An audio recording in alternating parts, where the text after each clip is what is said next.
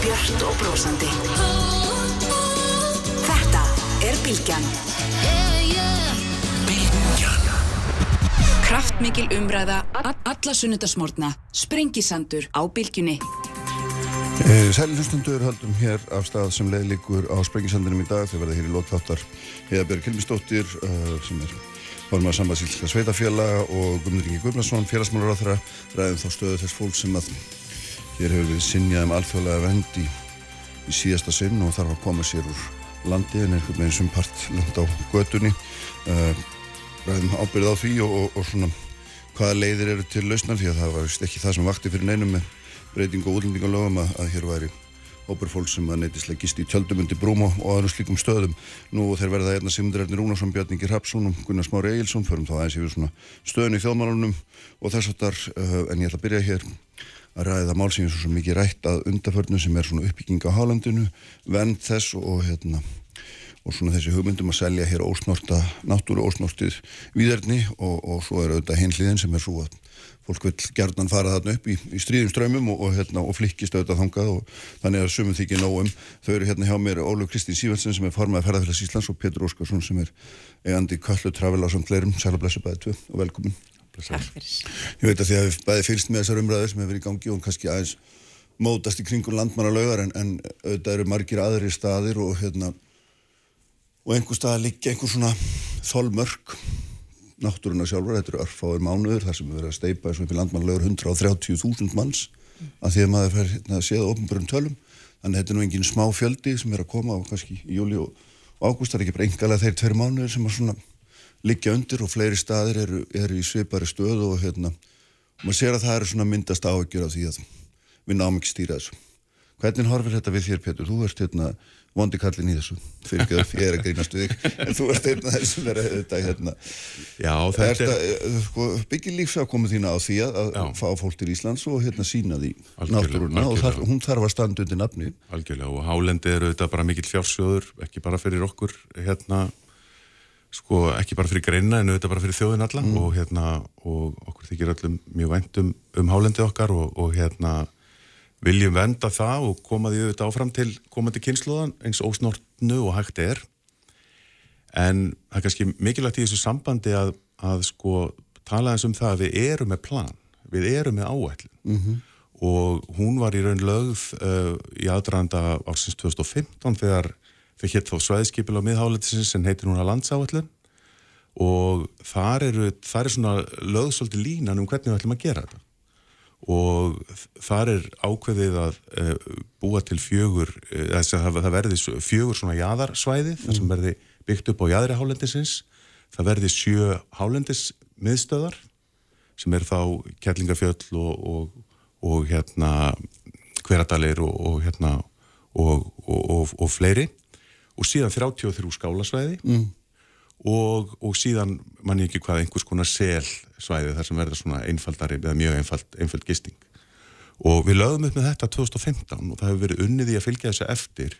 Og það er áhugavert þegar maður skoðar þetta að, að sko að þá 2017 þegar ég gefin út svona stöðumatskísla eða svona tölfræði um svona stöðuna þá eru eh, næstu því 5.000 gistir í mig á hálendinu. Mm -hmm.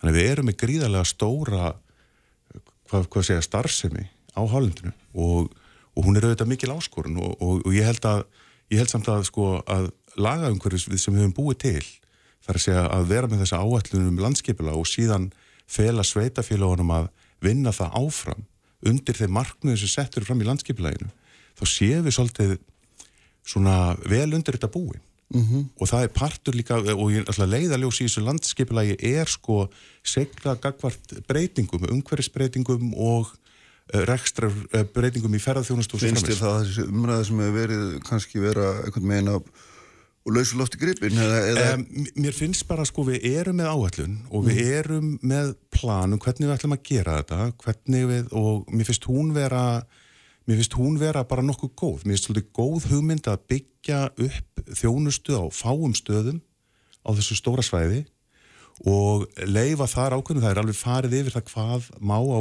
á skálasvæðum mm -hmm. og, og, og hvað ekki og, og hvað má vera með gistingu á þessum svo kallega hálendi smiðstöðum. Það er meðalans talað um að það megi vera með einhvers konar hótel eða gistiheimila gistingu saman hvort að það er í skilu þetta það sem ég umdelt en hérna, en það eru sjö svæði þar sem við ætlum að byggja upp svolítið vel mm -hmm. og ég held við séum bara svolítið á þeirri leið Er uppbygging á þeim öllum komin vel að nei, nei, nei, nei, nei, nei, hún, hún, hún er það ekki og hérna en við erum hins vegar með þetta plan og það gildir til að þessi áallin gildir til 2026 og við hljótum að halda núna áfram og byrja að undirbúa mm -hmm. það sem koma skal. Mm -hmm. Það sem ég hefði hins vegar hérna, það sem, það sem, það sem, mig, það sem ég sakna eða ég sé eftir, ég held síðan þegar þessi uppbygging er í gangi og í framhaldinu að þá hefði verið mjög gott ef við hefðum samþygt miðhálendist þjókarinn mm. sem er svona, þjókarar eru svona aðferðafræði og, og stjórnsísla til þess að halda utanum svæði eins og miðhálendi ákveða hvar á að venda gera vendaráallanir, ákveða hvað við ætlum að nýta halda utanu um það, bjóða út mögulega staði eh, loka þar sem er mjög viðkvæmt og það er svona heildræn stjórnsísla í þessu þannig ég held að, held að sko að við munum þurfa að fara að þanga svona til lengri tíma litið vegna mm. þess að það eru einhvers konar aðgangsstýringar sem að eru framtíðin í þessu. Við sjáum það bara ef við komum á staði eins og landmannulegar í dag mm. að þetta gengur ekki eins og það er. Nei, og hvernig hérna blasir þetta við þér og þínu fólki, þið eru náttúrulega svona þekktust fyrir að vera gangufólk ferðarfélag Íslands og hérna og ruttuð aldrei breytina um hálendið gangandi, það er hérna ásamt auðvitað bændum og, og, og, hérna, heimamennum á hverjum stað en þannig svona ferðarmennskan hún þróast í kringum ganguferðir Já. og nú er, nú, er, hérna, nú er þetta breytt allt er fullt af bílum og miklu meiri gistingin á það var miklu fyrir fólk já, já. og að týna hérna, einsendinni kannski, ég veit það ekki eh, Já, ég menna það er náttúrulega bæði fjölga lands, landsmunum mm. og, og ferðarfólki fjölgar líka og ég verða að taka undir heilsugar og hérna með Pétri að Við hjá ferðarfélaginu hefum mjög gerðan vilja sjá þennan miðhálendist þjókað verða veruleika því þarna er náttúrulega eru að tala um þessi ósnástu výðerni okkar náttúruna í sinni tæristu mynd og það er helsta aðdráttarafli bæði fyrir okkur sem Íslandinga og líka fyrir það ferðarfólk sem hinga kemur.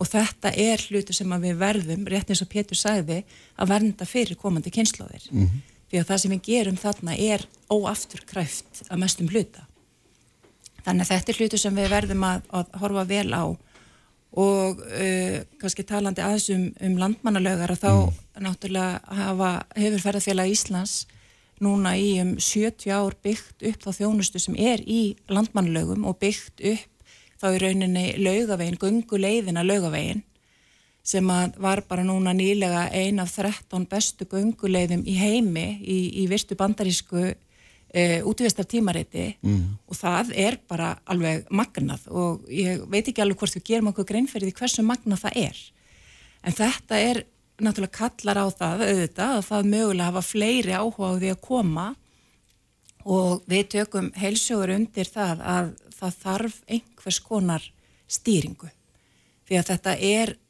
eins og er búið að koma hér fram og koma fram áður, við erum að tala um, hund, um 130.000 manns á kannski þremur mánuðum. Þetta er alveg gríðalegur fjöldi. Eh, en það sem kannski við hjá ferðarfélaginu, við náttúrulega höfum átt öll þessi ári í, í mjög góðu samstarfi við Rangurþing eitra og við þessar umhverjastofnun, skipilastofnun og svo framvegis. Þú hef kannski ekki endilega alltaf alveg sammála, mm.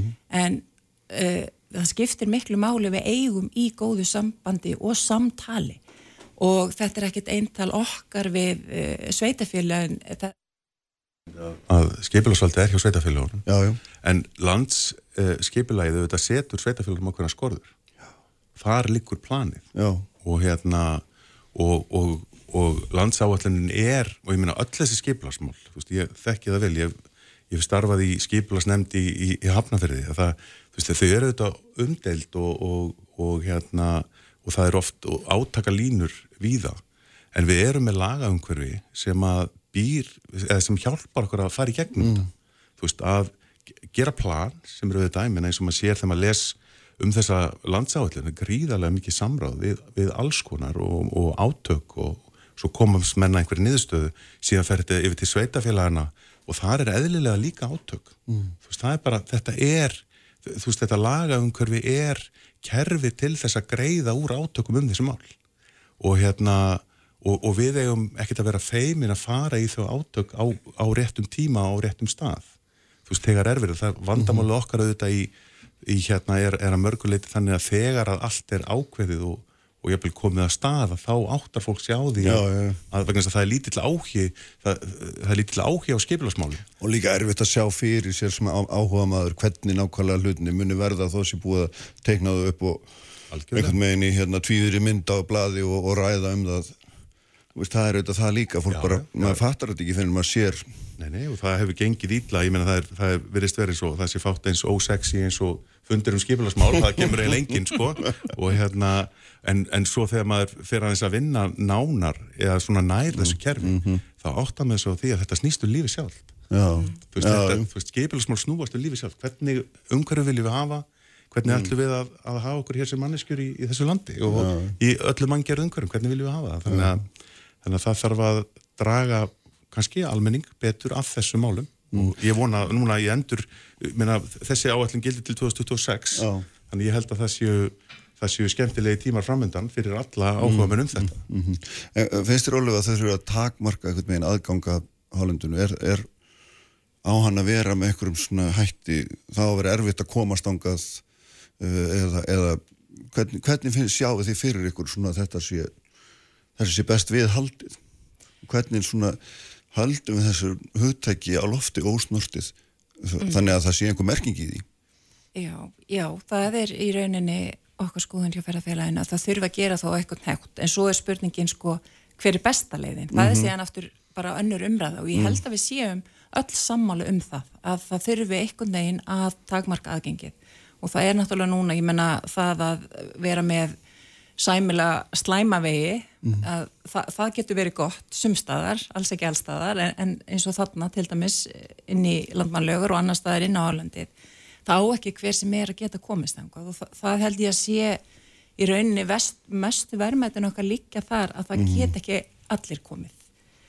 En hérna en mér er líka mikilvægt kannski í þessu sambandi að því að nú er ég er náttúrulega hér sem fórsett ferðarfélags Íslands að uh, við náttúrulega höfum verið að byggja upp á hálendinu og, og alltaf í rauninni öll þessi tæp hundra á sem ferðarfélag hefur starfað höfum við og náttúruvend haldist hönd í hönd og þannig að við erum sko fögnum mjög þessari umræðu, umskipulag og e, bætta aðstöðu og svo fleiri og erum algjörlega sko meðmalt því að það eins og til dæmis í landmannlögum, svo ég taki það, því að mér er það svolítið hugleiki, Já, að við bætum aðstöðuna. En það að bæta aðstöðuna þarf ekki endilega því að við séum að sko auka við. Heldur að en það er það ekki eiginlega óhjókvæmilegt að leiða bætir aðstuða þá, hérna, þá hafa fleiri áhuga að koma og, og, og myrna, síðan er líka þessi krafa bara um það að hérna, af hverju má eitt koma en ekki annar þess vegna er ekki bara öllum Já, já, gert, að, kleift. Já, já, og þe- þess vegna er ég að segja þetta er kannski umræða sem við þurfum bara svolítið að taka Já. og höfum kannski ekki tekið. en þóla landmannlegar það ála sem núna er að eitthvað mati? Eða hvernig, svo við tökum það nú enn og aftur sem dæmi þá ætlum við ekki einskólaka við þann stað. En, en hann er bara svo blasið svo eitthvað með við í þessar umröðum já, já. Um, mm, nei, í rauninni ekki. Þetta, þetta er of mikill fjöldi Mhm. og, en svo er þetta líka sko að uh, kannanir sína það að flesti sem koma inn í landmannulögur eru að stoppa í 24 tíma en síðan eru þetta náttúrulega þeir sem gista í skálaferðarfélagsins og eru þá flestir að fara að ganga annarkvort á græna rigg eða á svæðinu eða laugavegin, mm. margi hverjir en svo er spurningin ef að við sko bætt þjónusta getur falist bara í betri klósitaðstöðu eða einhverju slíku eða betri aðstöðu við einmitt laugarnar sjálfar eða eitthvað slíkt. En ef við erum farin að byggja upp mikið fleiri gistirými þá eru við óhjákvæmilega að fá fólk sem að er lengur og þá eðir það meiri tíma á svæðinu. Þá eru við jafnvel að breyta samsetningu þeirra sem koma á svæðið. Mm. þannig að ég mér finnst það líka bara alveg ljóst fyrir þá eru við að kalla á fleiri inn á svæðið sem nú þegar er komið að þólmörkum Hvernig horfir þetta við, við þér og ykkur byrður hérna, þessi þolmarka aðgangsstýringar umræða er, er Ég held að við bara sko horfumst í aug við það, þetta vonaði maður lengi að hérna það þyrfti ekki að koma til þess einhvern veginn, mm þetta myndi venda sig auðvitað sjálft með, með allan slæmum vegum og svo framvegis en uh, ég held að við séum komin þangað að við þurfum að horfast í augu við einhvers konar takmarkanir menna þekktasta þú veist þekktasta aðferðin við einhvers konar aðgangsstýringu er auðvitað hérna að nota verð já, já. og hérna og það hefur nú ekki alltaf mælst vel fyrir í þínum hópi. Um, eða reynda bara mjög illa á köflum. Já, það er náttúrulega er notað, ferðarþjónustu fyrirtæki eru flest eða mörg hver í dag komið með þetta svo kallega dynamic pricing og það sem er mikil eftirspurt, þá kostar hlutinni og það sem er lítil eftirspurt, þar kostar þeir minna. Um, en uh, ég held að, ég veit ekki alveg sko ég er ekki alveg með lausnina hvernig, hvernig við erum að gera þetta. Ég held að, eins og ég sagði áðan ég held að sko besta leiðin til að ná utanum aðgangsstýringu á aðhálendun á Íslandi væri þjóðgarðaðing mm. vegna þess að ferðamenn eru sáttir við að greiða fyrir aðgang af þjóðgarðum. Þeir uh, vita það að þjóðgarðarnir eru peningarnir eru notaði til uppbyggingar á innviðum. E, það er á að vera fagleg stjórnun verndaráallun og svo framvegis. Þannig að fyrir ferðamannin er aðgangsstýring á vegum hérna á, sérst, með, með, með, með þeirri aðferð mm -hmm. að, að, að þjóðgaru sjá um það ég held að hún sé betri heldur en til dæmis ef að enga aðilar fari að loka einstaka blettum sem þeir eiga og eru með rekstri Já, en, en ég meina þið, þið mótmæltuð harkalega sín tíma gistináttagjaldinu sem er nú einhvers konar til, til þess að stýra og, og svo var eitthvað sem hétt hérna, pass, ferðapassi var það ekki? Náttúrupassin. Náttúrupassi, já, já, já, sem ekki fekk nú mikið hljómgrunn heldur. Nei, sko, náttúrupassin og gistináttagjaldi voru náttúrulega svona sértæk gjöld á ferðarþjónustuna mm. og gistináttaskatturinn var aðferð til þess að, já, var notaður til þess að fjármagna frangatess og ferðarmannastæða til að byrja með. Og hóteleigundur ekki mjög sáttur, það er þeirra verkefni að, að innheimtan Eh, við auðvitað horfum til þess í ferðarþjónustunni að skattekjur eru einhvers þar á bylunu 60 til 70 miljardar af greininni í dag. Og við viljum auðvitað að hefðu ofinbera láti eitthvað renna tilbaka til verkefna greinarinnar. Mm -hmm. svona svipa bara og hefðu ofinbera hefur gert við hvað byggja upp hafni landsins og svo framvegis. Mm -hmm. að, að þessu innviðir byggður upp í kringum atvinnugreinar. Og við erum að tala um stæstu atvinnugrein á Íslandi, einhver 30.000 störf gríðarlega öfluga útflutningsgrein sem að meðal annars tryggir okkur núna eins og allir sem fylgst það með gengi krónunar í sumar, tryggja okkur kaupmátt okkar allra í öllum greinum. Við hefum svo að farið þetta, en við, við erum líka að tala um grein sem er hérna, rekur olbúana í mjög marga. Það er alveg ljóst og hérna, við hefum frætt alveg í mörg ár já, já, og, já, og við erum að komast aftur í sama ástand og var hérna 2017-18 og, og erum eiginlega bara á sama stað í ég held að við séum sko hvað varðar uppbyggingu innviða og uppbyggingu í kringuferðarþjónustun á allt öðrum stað. Mm -hmm. hún sprakk rosalega rætt út hérna í, í, á, á þeim tímas sem að Váer var hér á, á mikill í siglingu e, það vantaði innvið út um allt. Við höfum bara á síðustu þremur árum þar að segja Frankværtarsjóðu ferðarmannastada og hérna landsáallunum uppbyggingu innviða hefur á þremur árum fjárfest fyrir 6 miljardar í innviðum á Íslandi. Og það hefur verið og þá er þú veist verið að hugað öryggiferðamanna, náttúruvend mm -hmm. og byggja upp salerni þannig að það búið að gera það út um allt. Og ég held að margir sem að Íslandingar sem fóru hér á stað og ferðust með landið sitt í COVID-inu urðu mjög hissa þegar ég sáu hvað búið er að byggja upp góða aðstöðum mjög víða. Þannig ég held við séum á allt öru stað. En auðvitað er það þannig og það er allstar þar sem að ferða þjónustan kemur inn og, og tala um ekki með og vex hratt að þá eru einhver núningur og einhverjar, einhverjar hérna, og áhyggjur og ég held að það sé mjög eðlilegt og ég held að við verðum að, að taka það alvarlega í ferðarþjónustunni mm -hmm. hlusta og, og, og bregðast við og, og hérna, menna við sjáum umræðanum skemmtifæraskipin eins og hún hefur verið í sömur við þurfum að taka þetta alvarlega og og velta fyrir okkur löstum, en ég held að sé mjög eðlilegt eða veist, við, við þurfum ekki að vera óttast það þó að séu einhver, einhver núningur það er mjög eðlilegt, alveg sem að hvaða atvinnugrein væri að vaksa og, mm. og verða til hérna á Íslandi mm -hmm. Hefur ykkur fundist svona samtali við ferða þjónustunum að getur orðaða þannig hérna þessi svona bæði uppbyggingar áforma en líka bara löngun ferða þjónustunum alltaf flytja fólk inn á svæði sem áður voru kannski svona það sem takmarka ægengi var hefur, hefur ykkur fundist það að vera gott eða finnst ykkur vera svona ég veit ekki hvað maður á að kalla hérna ómikil svona uh, ákjafði að koma fólki inn á þessi sveiði Uh, samtalið við ferðarþjónustuna hefur verið gott, Þa, það er alveg óumdelilegt en auðvitað er á, líka ákjafð að koma fólki inn á þessi fallegu Mm. svæði og, og maður skilur það alveg. En svo kannski líka bara ef við höldum áfram með þú veist þetta skipulega því að nú við búin að tala um þetta svæðiskipula hálendisins eða landsállum sem Pétur var að tala um hérna áðan að samkvæmt henni er líka talað um þessa uppbyggingu þessa hvað maður að segja, hótel uppbyggingu eða það, hún á að vera í rauninni samkvæmt þeirri stefnu í jæðri í álálendinu eða í jæðri hálendisins. Og þarna kannski eru við aðeins einhvern veginn komina á skjön mögulega við það. -hmm. og það þarf Hvað að ertu þá að vísa í nákvæmlega?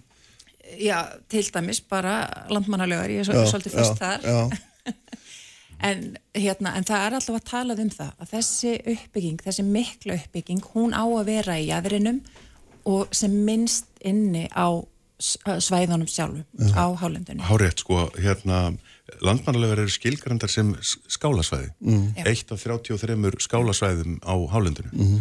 Þannig að svo uppbygging sem á sér stað á þessum svo kallu hálendismiðstöðum, hún á ekki við þar. Þannig að, þannig að, þannig að það er alveg skilgrend bara vel í, í, í, í, hérna, í þessari áætlu landsáætlun hvað má að þessum skálasvæðum. Og það er meðal annars, þú veist, gisting í, í gistiheimila eða hótelgisting kemur þar alls ekki til greina Nei. og, hérna, og ég held að það sem er mikilvægt betur, að við- það er í nýju áformunum uh, miklu svona betri innan gæslappa gisting heldur en verið hefur? Já, það verist ekki að, ég, ég, ég, bara þekki það ekki nákvæmlega, þú þekkir Já, það kannski betur jú, ég, það er sko, Annars, annars konar gisting. Já, það er, það er herri klassi, það sem að segja, sko. já, það eru sko í, í hérna, í þessari áætlun er talað um sko þessar, þessar hálendis miðstöðar sem eru hveravelli Kjellingafjöll, árbúði við Kjálveg, Hóla Skjól að Fjallabak nyrðri, mm. Laugafell við Sprengisand, Drekagil og Laugafell norðan vatnaenguls. Þetta eru hálendismiðstöðnar og þar er gert ráð fyrir gistingu -hmm. og jafnvel gistiheimila og hótelgistingu en ekki á skálasvæðum þannig þannig að þá er hérna, get ég bara verið sammála því að, að, hérna, að sveitafélagi sé aðeins komið út fyrir þetta plan sem ég finnst mjög mikilvægt að halda sig við. Þegar menn eittu miklu púður í að koma sér saman um þetta Já. og við erum aftur að fara við erum aftur að fara að koma okkur saman um nýtt plan Já, og menn þurfa að treyst því að, að, að menn haldi sér síðan við planið. Já. En hvað segir þú við, sko, ferðamennina þína þegar þeir koma og segja, ég vil gerna fara hérna á þennan staði hinn hérna hálfundinu og það, þá segir þú, já, nei, það eru konur hundra ást massa þessu árið, því miður. Þú verður bara, hérna, að láta þið duga að lappa hérna lögadalinn í Reykjavík. Sko við náttúrulega gerum þetta í raun á hverjum degi á, ákveð ákveðna staði eins og til dæmis bara böðin í kringu landið. Fólk segir, þú veist, ég vil, ég, ég lendi hér og ég vil fara í bláalóni daginn eftir og, og við segjum bara, neð því miður, þú getur komið eftir sjö daga, getur þú farið í bláalóni og þá bara um kvöld, ekki morgun eins og við skilur þannig, að- þannig að það er alveg aðgangsstýring út um alls. En það það eru takmarkanir. fyrirtæki hittir Já, já, náttúra sem já. er í raun og veru hérna, Algjörlega, en sem frjálsir för er um í raun og veru sko. Já, en, en við, munum, við munum færast þanga. Það verði þannig að þú þurfir að bóka þig, bara eins og þú þart í, viða í þjóðgarðum að bóka þig inn, þá áttu dag einhver staðar og þú átt, veist að þú ert búin að bóka hann, þú átt hann til. Við sem ferðarþjónustu fyrirtæki gætum, gætum átt slott í skaftafellu í landmannlögar fyrir okkar gesti. Til þess að tryggja líka að þetta bytna náttúrulega á upplifinina Já. þegar eru átnir allt og margir. Þannig að við erum að vernda vöruna með aðgangsstýringu. Þannig að ég held kannski fyrir tíu árum að ég myndi ekki tala svona eins og ég gerir núna en, en, en, en ég ger það það er bara er því bara, er er reynslan Já. Og svona hvernig þetta gengur og hvernig við viljum auðvitað geta reki hérna arbæra ferðarþjónustu eh, bóðið upp á góða vöru eh, í sátt við náttúru og, og landsmennu þetta, samfélagi hérna, þá held ég að við þurfum að ná utanum þetta með einhverjum svona hætti. Hvað hérna, Ólaf, sér þið fyrir? Nú er hérna, veist, nú er Petur talað fallega, en, en svo sjáum við áfram sveitafélagsins og, og við vitum alveg að hérna, eftir því sem að gestum fjölgar og þeim mun fjölga, það er ekkert sem bendir til annars, þeim mun fjölga, það verður bara krafan um aðgang alltaf ríkari, það, það er bara, það er bara liggur í hlutan þess að eðli held ég. Hvað finnst þér að gera? Eigum við að vera miklu skarpari, þurfum að vera skýrar á því hvað margt fólk má koma á hvernig staði, hvernig, hvernig svona vendur þú sjá þetta fyrir þér sem reynd fjallamanneski? Já, bara eins og ég segi og ég, meina, ég held að við Pétur séum bara alveg hjartalega sammála og ég held að e, sveitafélagin vilji líka gera þeir besta. Það er bara kannski sitt hvort aðeins sínin stundum á hlutina og þess vegna eins og ég sagði á þann að það er bara svo mikilvægt að við séum að vinna þetta saman. Að við séum að horfa á alla hagsmunni og það er eins og til dæmis bara þessi víðátt og þessi óspelta náttúru þetta er bara svolítið partur af bara sjálfsmynd og, og stolti okkar Íslandinga og mm. hérna þannig að það er bara hluti sem við verðum að venda og ég, veginn, ég held við hljótum öll að vera þar Stærstu ósnortnu víðerni í Európa-helgi e, og hérna og... það væri illa gert á okkur að grafunda já, því Já, já, já, mm. algjörlega og bara eins og ég sæði líka á þann, ég menna við hjá ferðarfélagin náttúrulega snertum á mörgum og eigum í samstarfi, góðu samstarfi við mörg uh, sveitafélag og þessar stofnanir mm. og ferðarþjónustöðaðilan og við viljum bara halda því áfram mm. En auðvitað viljum við uh, passa hálendið okkar og við viljum passa náttúrun okkar. Það er bara, hefur verið bara í kjarnastarðsemi okkar bara alveg frá stopnum félagsins 1927 Já. og við hefum lagt okkur fram um að e, vera með sjálfbara ferðamennsku, að við séum að byggja upp á sjálfbaran hátt, ekki ganga á náttúruna, ekki meirinn og þólir og það er bara svolítið okkar mandra og eins og ég hef sagt að e, við erum eitt stærsta líðelsu félag landsins mm. þar sem við erum að epla náttúrulega fólk til útvistar og reyfingar og epla þá líkamlega andlega og félagslega heilsu og velferð og náttúrum bara skiptir alveg gríðarlega miklu máli þar mm. hún er svo stór partur af líðhelsinu og þetta er bara risastórt líðhelsu mál að vernda náttúrun okkar já, já. þannig að það stöndu við bara mjög föstum fótum Já, eitt bara rétt í hérna áður en við, áður en við hættum sem er líka sko að því að við, það er frjálsförum um hérna um óbyður Íslands í raun og veru. Það, það er okkur öllum heimilt að fara þánga og síðan er einhverjir staðir sem eru vinsælir og svo kemur einhver og byggir hérna vill byggja upp þjónustu og vill verðlegjana hátt að regan á staðnum og svo framvis og þá sjáum við náttúrulega kveikna strax rættir um það að hérna eins og allir með uppbyggingunni kellingaföllum þetta er bara fyrir eina ríku þetta er bara vörumerki sem er þekkt fyrir luxus og hérna það er bara að halda Íslandingum frá þessu svæði þessum að þeir hafa sótt miklum krafti og elju í ára tugi og hérna byggja þetta bara upp á efniðum útlendingum og svo veit maður náttúrulega að gömul mandra í ferðarþjónustunni er að fá færra fólk en betur efnað. Þú veist þannig að hérna þannig er Petur eitthvað sem að svona einhver þerstaða sem hangir hann inni sem að Já, það er, þetta, þetta er gott að kemur með þetta, þetta með kellingafjöld sem hefur verið þetta útvistarsvæði bara Íslandinga í, í ára tugi mm. og hérna og þegar maður fylgist með sko, þessar uppbyggingu sem er, hefur þar farið að stað og skoðar líka landsáallinu, svo við vittnum nú einsinu enn í aðan, þar er farið fram á það að á þessum svo kallega hálendismiðstöðum að þar sé mjög mikil breytt í gistingu. Og hérna og, og það verður þannig í kellingafjöldum. Þeir eru með sem eru þar að byggja upp, eru með planið kellingafjöld fyrir alla.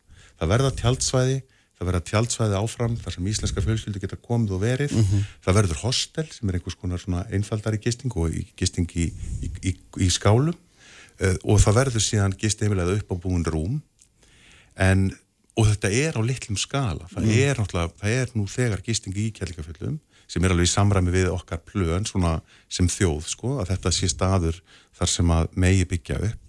En þessi uppbygging hún þýðir bara að það er bara að vera að bæta við einhverjum 20 rúmum, uppábúinu rúmum í kellingaföllum mm -hmm.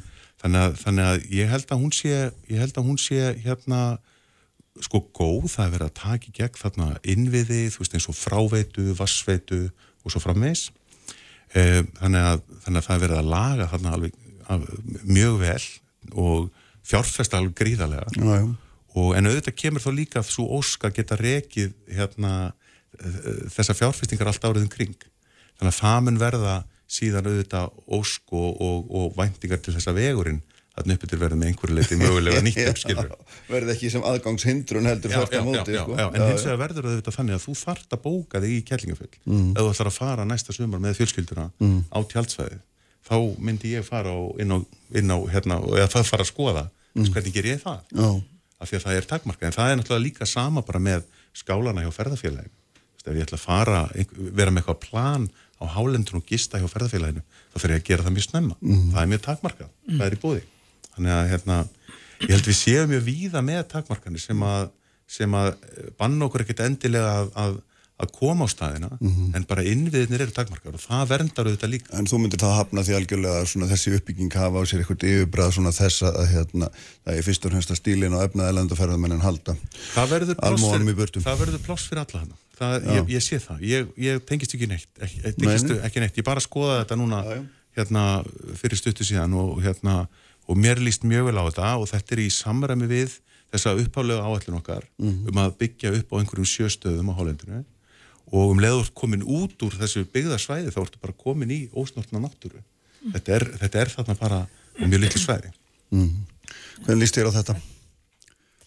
Ég bara hefur náttúrulega ekki komið Nei, nei. og ég hef ekki séð þetta þannig að ég ætla nú ekki að, ekki að fella neina dóma um það. En mér langaði samt að skjóta einu að Já. sem að ég í rauninni glemda og hún var búin að punta hérna hjá mér. Það var þetta með aðgangsstýringu og uh, það, það er eitt form aðgangsstýringu sem er ekki endilega hérna kostar ekki heldur það er í rauninni hluti sem að ferðarfélagið hefur talað fyrir og aftur, enn og aftur er ég í landmannalögum að það er einstefna á lögveinu Já, já, já, já. Þannig við séum með bara fólk sé að ganga í aðra áttina þannig að þú sért ekki að mæta fólki bara eins og á ægisíðunni þannig að þá upplifur, þá bætu við upplifun þeirra sem er að ganga lögveginn og þetta hef, höfum við talað um í, í mörg Já, ár en, en ekki orðið í rauninni en, En hver hefur, hver hefur umsakna vald um þetta í raun og veru? Hver, hver ræður þessu? Uh, já, það er bara mjög góð spurning. Uh, náttúrulega okkar hópar sem við sjáum um að þeir ganga og ég held að það gangir enda flestir úr landmannalögum yfir þá smörg. En svo náttúrulega er bara stjórnkerfið í kringum kannski ferðamálinn, það er pínu flókið Já, og það eru þarna þrjú ráðuneyti sem horfa á með mismunandi hætti á, á þennan uh, já, á ferða innaðinn Mætir ekki bara einhver á annar staði með svona einstemnu skildi og það leggir það niður? kannski bara virka það, ég veit það ekki. Nei. en þú veist, þe- þetta er svona uh, dæmi til dæmis um aðgangsstýringu sem að Já, sem er frekar svona lítil aðgerð en getur haft Mm, töluverð áhrif. algjörlega, algjörlega. En hérna áður með hætti Pétur bara eitt, óttastu það með einhverjum hætti að svona þessi umræðar sem er sprottið upp aftur og þessi umræðar með aðgangsstýring og svo framvegis og hún kunni eitthvað með eina verða til þess að þið þurfuð eitthvað að draga saman seglin. Nei, ég ger það ekki. Mér, mér finnst við hérna vera bara á góður leið. Það eru, þú veist, það er núningur, það er kakrinni, það er verið að breðast við, það er verið að leysa málinn. Ég held við séum bara á, á, á, á, á góðu Þannig að þú horfir á miðbæ Reykjavíkur umræðum hann, þú horfir á skemmti fyrir skipin umræðu þau, þú veist, Já, já, núna ég- skilur þetta er bara hvert já, já. hólfið að fætur öðru sko. er, sumt er, ég gerði mér nú, ég lappaði nú niður laugavegin í síðustu viku og taldi allar vestlarennar og, og hérna flokkaði þær og, aðdorkur og, og hérna og, og hérna og e, það kom í ljósa, ég fann sex lundabúðir sem enn kvarta mikið yfir á eitthvað hundrað og eitthvað fyrirtækjum. Þar á voru tvær svona erki lundabúðir með svona bara drasl frá Kína og Já. uppblásinn einhvern íspjörn eða viking fyrir utan. En af þessum hundrað og ég man ekki hvað fyrirtækjum voru sex sem væri hægt að uppnefna það sem er svona notað í, umræðinni Já, já. og komið mjög óvart hvað er ofbóðslega gott frambóð og þjónust á lögaveginum alveg geggjað mm. og ég hvet bara landsmenn sem hafa ekki treystir til að fara þarna og, og, og njóta það er eiginlega allt þarna nema, nema tölvubúð og Já, akkurat. Mér búið að loka Brynjur endar. nákvæmlega Heyrðu, bestu þakki bæði tveið fyrir að koma. Gott að fá ykkur og hérna fara yfir þetta með mér. Uh, þeir verða hérna Björningi Hrapsson, Sigmundur Ernir Rúnarsson og Gunnar Smári Egilson eftir augnablik og svo Heiðabjörg Helmistóttir og, og Guðbrand, Guðmundringi Guðbrandsson í lokþáttar. Sprengisandur. Alla sunnudaga á bylgjunni. Sprengisandur á bylgjunni Sæli hlustendur, þau eru farin frá mér uh, Óluf Sývöldsen sem formar fórseti ferðarfélagsins og Pétur Óskarsson uh, frá Köldtravel fórum að ræða hér um hálendi skipulagi og því aðgangsstýringar og svo framvegstu verða hérna eftir Heiðaberg Kilmistóttir og Gumdringi Guðbrandsson. Fjallum þá um stöð þess fólk sem hér hefur verið sinjaðum alþjóðlega vendi í síðasta sinn en hefur, hefur síðan kemst ykkur landi og lendir á götunni. Þetta nú óframdar ástand sem að þau emitt eru í, í hérna að, að reyna að leysa og við heyrum um, um það eftir. En þeir eru sestir hérna hjá mér, góði gestir Sigmundur Erni Rúnarsson, Björningir Harpsson og Gunnar Smári. Eilsson, sælur blessaður allir. Velkomnir. Takk. sjóaðir hundar skilði ég hérna, taldi ég að vera hérna, fyrir kynningu og best ég haldi mig við það. Sko, mér langar aðeins að taka uh, hérna, húsvækur fyrir svona fyrir hlutanum um pólitíkina og svo kannski aðeins hérna, stöður um, um ræði við aðeins fleiri efni þegar við erum búin að fá nokkru ölsingar í viðbót hérna, Það er náttúrulega björningi, þú hefur verið að skrifa aldrei um þessar svona undir öldu sem hefur verið í, í sumar. uh, hérna, við sjáum náttúrulega Olgu í sjálfstæðarflokknum og nú er 27. er flokksrásfundur þar sem mann er skilstað. Láti verið að sverja til stáls eða mest óst er það svona sumir sem að halda því fram og svo auðvitað Svandís búin að sprengja ríkistjórnir í raun og veru loft upp eða þá vafki, ég veit ekki hvort verður, hvort fyrir undan. Hvernig svona, hvað meður um, hvað heldur að verið gerist núna í september? Já, fyrirfram svona kannski ef þetta hefði verið í fyrra eða hitti fyrra eða, eitthvað svolítið þá hefði ég haldið að þetta myndi síðan eh, sjatna og sjallast einhvern veginn með, með því að, að, að fóresta sjálfstæðisflokksins myndi bara einhvern veginn svona byrja fólkum að haga sér og það væri engin annar valkostur og svo leiðis en maður finnur að þetta er, þetta er þingra en áður. Eh, gaggrinnin er ber orðari menn er ekki að menn ekki þrættir að tjá sig og það er svona undiralda sem er búið að vera í gangi. Og það er alveg rétt að þessi fundur held ég að verði mikilvægur. Við sjáum að varaþingmaður sem hafði gefist út fyrir að bóða þarna byltingu, bóða eigin fundarherferð og, og, og uh, finnst að flokkurinn hafi vikið algjörlega frá línunni, hann er búin að uh, fresta því í byli og bendur vonir við að á þessum fundi verði teknar einhverja nýjar ákvarðanir. Uh, Þingflokkurinn var á tveikja daga vinnufundi og lögum í, í Sælingsdal núna í vikunni. Eh, þar sem að, að mér skilst að menn hafi bara verið að peppa sér saman og, og tala um hvernig eh, hvernig ætti að tækla þessa gaggrinni mm. að, að alveg, þessi gaggrinni fyrir ekki fram hjá neinum, hún kemur bæði úr grásrótunu, baklandinu og innan þingflokksins. Og eh, Bjarni hefur auðvitað viðkjönd líka að, að, að þetta þurfi að breytast. Mm. eh, hvernig það mun hins vegar verið framkvæmt er allt annað mál. Eh, Bjarni segir það verður að taka meira tillit til eh, stefnu sjálfstæðisflokksins í, í mörgum málum. Eh, það þarf að gera stóra átök í virkjanamálum sem dæmi, já. En hvernig ætla þeir að gera það í samstarfum með VFG mm -hmm. sem fagnaði úrskurðinu varandi kvamsvirkjun, svo dæmi sem tekið, sem að aðri ríkisjóðun töldu vera mikið áfall. Uh, þetta er politískur ómöguleiki nema þetta ástand haldi áfram að stjórnarsamstæri lafi en allir séu frekar óanaður og ekkert gerist. Mm -hmm. Spurningin er hversu lengi þólir þetta fólk það, hversu lengi þóla landsmenn það, vegna þess að kannanir er allar í sömu áttina, bæði vinsaldi ríkistjóðnarinnar, e, tröst til einstaka fórstumanna og fylgi þessara flokka sem ríkistjóðnarna mynda. Mm. Þetta á allt eftir að koma í ljós, þingi er að koma saman, mm. stjóðnarnarstaðan e, finnur blóðbræð og það sem meira er að hún er loksins farin að vinna eitthvað saman, ríkistjórnarflokkarnir hafa enga til sagt sjáu þið nú þessa stjórnarnarstöð, mm. er en hún er farin að fatta það að sameinlega geta það náð miklu meiri árangri. Eh, og það er miskilingur að það sé einhver, einhver þrá Sigmundur Davids eða Kristrúnar Frostadóttur eða Pírata að koma þessari ríkistjórn strax frá. Það er ekkit verra fyrir þau að dauða stríðið bara haldi áfram henni blæði hægt og rólega út. En það er ekki endilega hagsmunni mm. þeirra sem standaðar mm. að stjórninni Hvað segir þú Sigmundur? Þetta er mjög spennandi tímar og uh, maður finnur undiröldinu mm. uh, sérstaklega í sjálfstæðarflokknum framsvonarflokkurinn siglir ligna sjó að mestu eh, það er merkilegt í sjálfur sér að undirhaldan í vinstir grænum vilst ekki verið jafn mikil og undirhaldan í sjálfstæðarflokknum mm.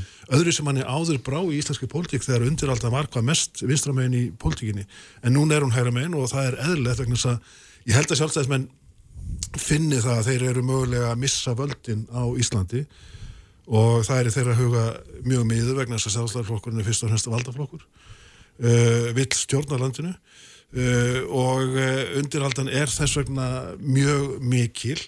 Auðvitað svíður sjálfstæðismannum það mjög að Sandi Svagarstótti taki þessa róttæku ákverðun að, að banna tímanbundi kvalviðar í ljósi þeirra matfælavinslu sem þar fer fram og við mögum að halda því til haga að, að sko reglugerðinum um þessa opnu matfinnslu Kvals uh, HF uh, var færið aftur fyrir sko miðastíðustu öld af sjálfstæðismannu sjálfum til þess að Kristján Lofsson geti áfram uh, unnið kvalundi beri lofti. Þannig að sjálfstæðarflokkurinn hefur gert margt fyrir þann mannin af ástæðan sem, sem er ekki að má til kostningasjóða flokksins. En uh, þetta svíður sjálfstæðismannum og ég held að Svandi Svagastóttir geti ekki breyttið sér ákvörðin sinni hennar politíku vegna. Hún er búin að taka þessa gildu og stóru og áraðinu ákvörðun sem að mínum að sé rétt í ljósi vinslu á, á, á veiðum á, á kvali en e, það væri í rauninni politískur endalegur, eh, lokalegur hennar í politík ef hún myndi beigja af í, í þessu stóra og sterka máli sem er og talar mjög ríkt inn í hóp vinstir græna. Þannig ef vinstir græna er alltaf að hópa í þessu máli líka þá er það komnið svo litið út í hotn en uh, það getur eins og að gagnast vinstir grænum kannski einna mest af þessum þreymur flokkum að segja uh, gott komið og, og bara hverfa frá stjórninni. Það er ekki mjög katrínarlegt af vísu en það getur henda honum með við það er með núna. Uh, og við ekki maður því að sko sjálfstæðarflokkur þó hann hafi fengið annað vestu, vestu útræð sína í síðustu kostningum 2021 24,4% 16 þingmenn er að vísu með 17 núna að Birgir Þóraðinsson kom yfir. Uh, hann getur haldið áfram með framsók sagan segjur okkur það rækilega og getur kift miðflokknu með. Hann er þá með 32 uh, manna meirulhutta sem uh, svona geirneglir íhaldsaminn í landinu. Uh, og þetta er, þetta er politísku möguleiki. Menn, menn hafa endalist verið að tala um einhverja politísku ómöguleika á síðustu árum en þetta er politísku möguleiki. Og, og þetta náttúrulega eru aðrir flokkar þarna líka. Og flokkur fólksins er, er svona vilt að spila í stoknum og gæti farið með en ég held nú að Inga Sæland sé ekki konan sem mun bjarga völdum sjálfstæðarflokks og framsóknarflokks. Smári, hvernig lestu þú stöðuna? Opið spurning bara líka. Ég, mér finnst svona, ég myndi ekki spá neinum stórtíðundur sko. Það er svona eins og ríkistjóðin, hvað er ekki sagt að, að lappa niður göttuna og sparka dósinu undan sér, svona bara leita einhverjum tækifærum sko, koma þessu svona skref fyrir skref eitthvað áfram og ástæðlust að vera með einhverja panik, mér sýnist það vera stemmingin. Það er eiginlega þetta með kvala málið sem að minnst vera svolítið ráðgáta. Svona ef maður ætti að lesa í hvað Bjarni segir og hvernig hann bersi og hvernig hann tjáir sig þá finnst mann eins og að sé búið að leysa það máli einhvern veginn með einhverjum hætti. En maður veit ekki hvað það er. Að það er eins og Sigmundur bendir á það er erfitt að sjá að það er erfið ákvöru fyrir Svandísi að, að leifa kvalviðar aftur, það verður ekkert breyst frá því í júni, það er alveg sama veið aðferðirnar og þetta allt sömu rökin eru núna. Þannig að með það vera svona, svona óljóst hvernig við ætla að leysa það en mér finnst eins og það sé vilji allra í ríkistjóninni sem sitað við ríkistjónaborðið. Mér finnst ekki vera það mikill óró inn í hérna, þingflokkonum. Þannig að hvað er anstaða innan Vafgi við þessa ríkistjón, hann er alltaf bara farin, búin að yfirgefa flokkin. Það er fólk farið úr Vafgi í tíð ríkistjórnar Jóhannu og Stengrims, það fór villikettinir, það voru ekki sex eða sjö þingmenn sem fóru, tveir þingmenn þegar þessi ríkistjórn var myndast. Þannig það er ekki, ekki, ekkit eftir að grasrót Vafgi sem er ósátt við þessa ríkistjórn, þannig það er ekki að búast við þar. Það var svolítill órói sumar frá svona hvað eru stundum kallaði fúlukallanir í sjáttalfónum Kalla sér það sjálfur. kallaði sér sjálfur Já, já, já, og hérna mér finnst svona niðurstaðan eftir sumarið uh, ég hef ekki vendingar um að sko þingflokksfundur hérna úti út á landi þar sem þau eru að peppa sig upp uh, sé til þess að, raska ríkistjórninni, það er miklu frekar að sko sætta sig við það að, að, að, að þetta er besti kosturinn þessi ríkistjórn frá sjónarhóli uh, sjáttarflokksins og Bjarnar Benediktssonar hann hefur oft talað svona að maður er ekki að berjast fyrir völdum til þess að gefa þau frá sér. Hann mun ekki hætta ríkistjórninni eða einhvern veginn völdum sjálfstæðarflokksins bara að sjá fyrir hver niðurstaðan verður. Þannig ég held að, að sjálfstæðarflokkur farið að þjappa sér saman um uh, hérna, að gera sér best úr þessari stöðu og niðurstað sumasins er það að fúlukallanir og svona hægrið í sjálfstæðarflokknum þessum að hafa verið að gaggrina fórustuna hafa bara engin völd í þessum flokki. Og þá erum við kannski, komið með þrjá flokka þar sem að fórustan bara þrengsta fórustan í þrengsta skilningi bara ráðræðnir, ráða þessu flokkum meir og minna. Og þau eru alveg svakalega ánað hvort með annað og, og, og hvert með annað á meðan að sko græsrótin flokkunum er óana með þau, þjóðin er óana með þau, það bara skiptir ykkur máli. Þetta er rétt hjá smára, sko, völdin eru hjá ráðhörunum, völdin eru hjá formannum og formæðinni, sko, uh, eru í mjög góð og þéttu samstarfi. Þetta er fólk sem er vant völdu, sko. Vafgi er búið að vera völd í tíu ár frá hrunni, Akkúrat. sjálfstæðarflokkurinn í 11, fransunarflokkurinn í 9, þetta var einhver engan áhuga á því að hætta því að verða einhverjir óbreytti þingmenn. Ekki, ekki bara það heldur, uh, það er ekki bara ráþurarnir sem hér erum að efna heldur, er hver og einn ráþur að koma með nokkra pólitíska aðstofumenn og þetta er í rauninni kannski það fólk sem að myndar bakland flokkana svona dagstaglega. Þetta eru atvinnu stjórnmálamenn, ekki bara ráþurarnir heldur. Hún vil ekki missa vinnuna. Og, og hefur, hefur auðvitað nákvæmlega engan áhugaði að missa vinnuna. Það sem að verður fróðlegt að sjá eh, er hvað gerist auðvitað í kvalamálinu. Eh, það þarf að taka ákvörðin um, um mánaðamótin. Og eh, Svandís held ég að hafi alveg kunnað Nokkur með sama hvað hún gerir, það, Það er- það er málið, hún, það er hún málið. er bara stendur frammi fyrir annarkvort bestu eða kóliru. það, það er algjörlega þannig, ég meina og, og, og annarkort er hún þá að taka málsvar dýravendarinnar eða, eða ekki. Og þá er alveg augljóst að hún hafi orðið undir og verið beigð og uh, svo er þessi útlendingamál. Og ég held að að, að, að svo umræða sé aldrei erfið uh, fyrir Vafgi og feli aftur í sér þannan pólitíska ómöguleika. Og ég er ekkit ósamála smára þetta getur alveg þetta leikrit getur alveg haldið áfram með svolítið tíma í viðbútt, henni bara blæðir hægt og rólega út. Um, engin veit hvað það tekur langa tíma. Það er hins vegar dálítið ómögulegt fyrir okkur sem samfélag, það þarf að taka bara fullt af stórum ákvörunum og ég held að Eirikur Bergmann hafi sagt í gæri að þetta er eins og þessi þrjá ríkistjórnir það eru ekkit mikið að taka tillit til hver annarar eða eitthvað svo og, og þetta er orðið svona bara ákveð vandamál fyrir okkur hinn sem búum í þessu landi mm -hmm. annarkvort verða þau þá að, að þjappa sína raðir og fara að búa til eitthvað plan og vinna eftir því eða þetta heldur áfram og verður bara sífælt vandræðilega mm. eh, í útlendingamálunum sem, sem dæmi þá hafa sjálfstæðisflokksmenn marg oft sagt að nú þurfum við að ganga lengra heldur en var gert í lagarsetningunni síðast það hafi verið einhver útvötnuð útgáfa og það verði að ganga lengra meðal annars með því að setja í lög að það megi koma hér upp uh, flóttamannabúðum sem að síðan ráþeirar í ríkistjórninni sem tengjast ekki sjálfstæðisflokknum er að reyna að búa til önnur nöfn á til þess að reyna að komast í gegnum það mál. Það verður mjög politist erfitt. Sérstaklega þegar samstagsflokkurinn í Vafge er einlega að segja núna að í upphafið þings þá þurfum við að ganga tilbaka með það sem var gert núna í vor. Uh, aftur bara pólitískur ómöguleiki og það er í stórum og smáum málum uh, þar sem þjóðin er farin að blæða fyrir það að þetta fólk getur ekki komið sér saman um nokkuð skapaðan hlut annað en að halda áfram og það sé mjög gott traust millir fórustumannum mm. þryggja. Það er eiginlega bara skiptur okkur hinn ekkert máli ef þau eru ekki að gera nokkuð skapaðan hlut sko. Við erum að fara inn í náttúrulega mjög erfiða tíma sko, ekki bara politíst, politíst séð verða stjórnmálaflokkarnir svona í, í haust og, og næsta vetur að fara að sína á sinn spil með litríkum hætti vegna þeir verða að fara að tala sína politík.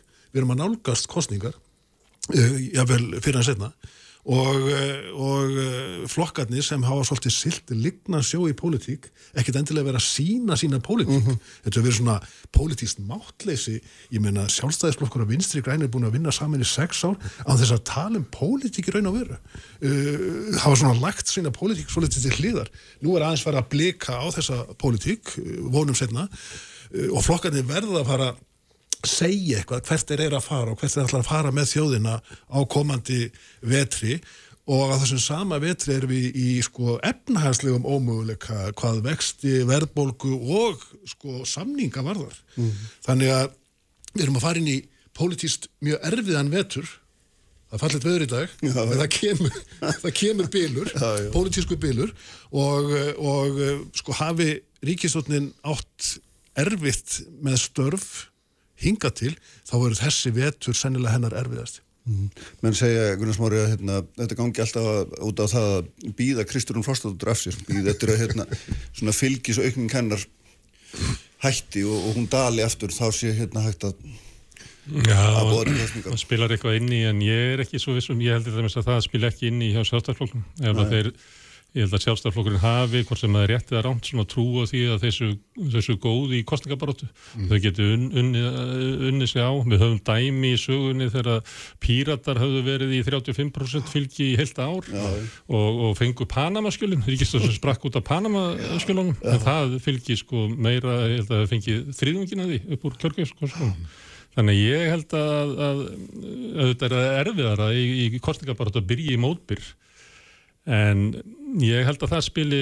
eh, ekki inn í það. Ég held að sé hinum einn, á samfélkingunni sé líka ákveðin svona vilja, ég held að Kristján myndi ekki vilja kostningur í haust, sko. Ég held að hún eigi eftir ímislegt, hún er eftir að taka til í flokknum, hún er eftir að finna frambjöðundur, ég held að hún ætla að mæta með eitthvað svona ráðherralið, ég held að hún ætla að fara svona handpikka eitthvað fólk út í bæ sem að henni hún upplifir að, að, hérna, að fólki lík, líki við mm. svipað og hún sjálf var mm. komin í flokkin þannig að ég held að svo vinna sé bara rétt hálnuð hjá samfélgíkunni mm.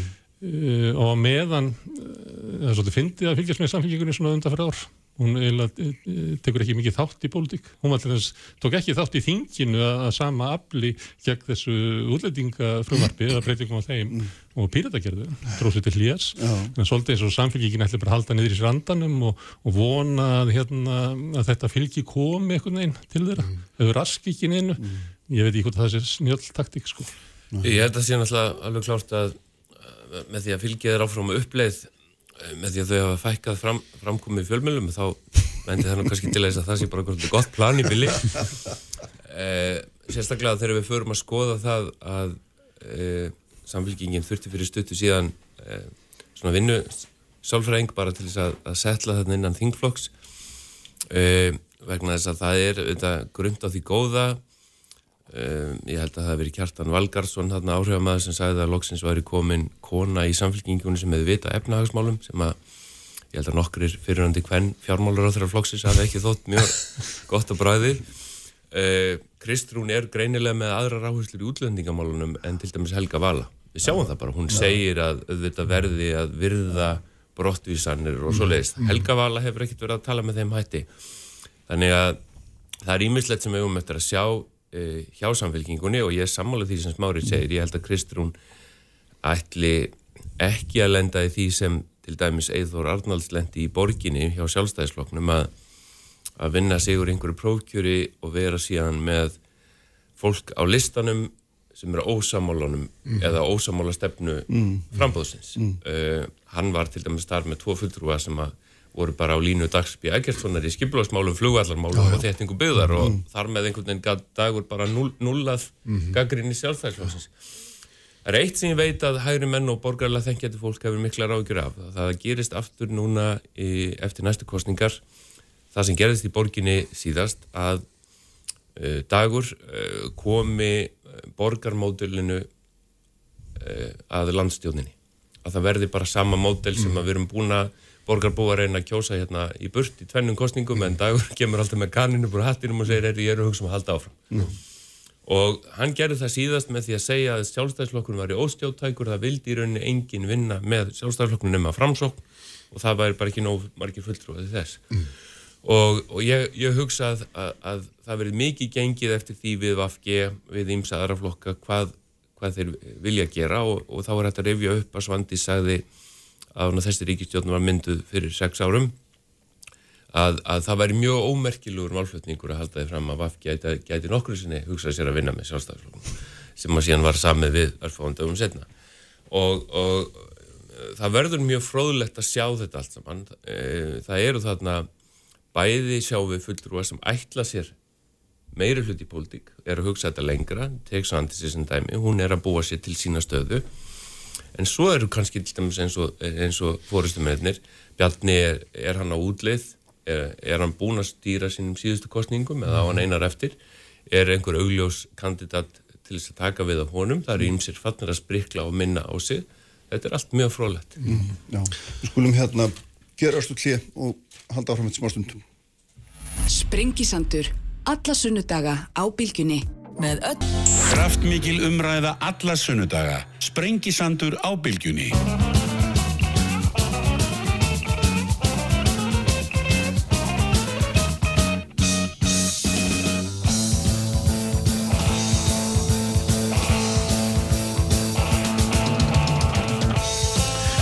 Sælir aftur hlustundur, þeir eru ennþá hérna hjá mér Gunnar Smári Eilsson, Sindri Erni Rúnarsson og Björningi Rapsson, svo ég vonu Guðmdínga Guðbrandssoni og Heðbjörgu Hilmisdóttur hér á eftir.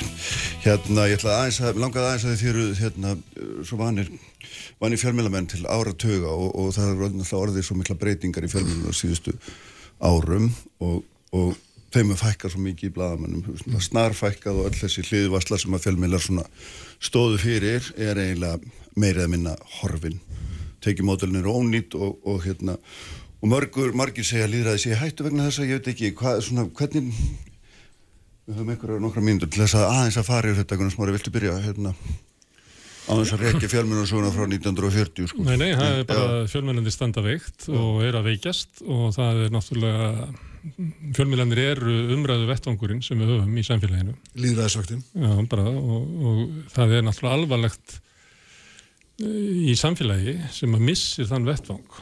Og ég held að það sé bara almennt ríkjandi skoðun að hann er lagari núna en áður var. Það er náttúrulega það voru uh, miklu meiri fjölmjölun flokkani gáði allir út blöð og, mm. og, og, og það var miklu uh, meiri samfélagsleg umræða. Þegar að hún hverfur eða mingar þessi skipulaða umræða og þá er náttúrulega er, kannski magnið er játt mikið ef við tökum samfélagsmiðlana en það er náttúrulega svona annað form, það er svona torgi, það er svona gjallandi og róp út á torginu og er ekki svona skipulag, svona skipulag umræða eins og fjölmjölandir eiga að vera. Að, að ég held að við verðum bara að horfa stjögu við þetta og, og, og annarkort verðum við að reysa þetta við, annarkort verðum við að segja sem svo að við viljum bara hefla ríkisútvarpið, við viljum fá mm. Við viljum fá hérna borgarafundi í kvöld um, um hælisleitendur, við viljum fá bara alvöru umræðu, við viljum hérna einhvern veginn að íta undir það að, að, að fjölmjöla séu styrtir, ég vil ekki að útgáðu fjölmjöla séu styrtir, ég vil að bladamenn séu styrtir, það sé viðkjent, það sé gert með sama hætti og gert við rítvönda, mm -hmm. að það sé ákveð svona frels í því, það er ekkert frels í því að, að láta árvakur fá hana pening og sem er alltaf bara það votsum fá það, þannig að við verðum að gera eitthvað ef við viljum hafa þetta svona, en kannski bara viljum við ekki hafa þetta,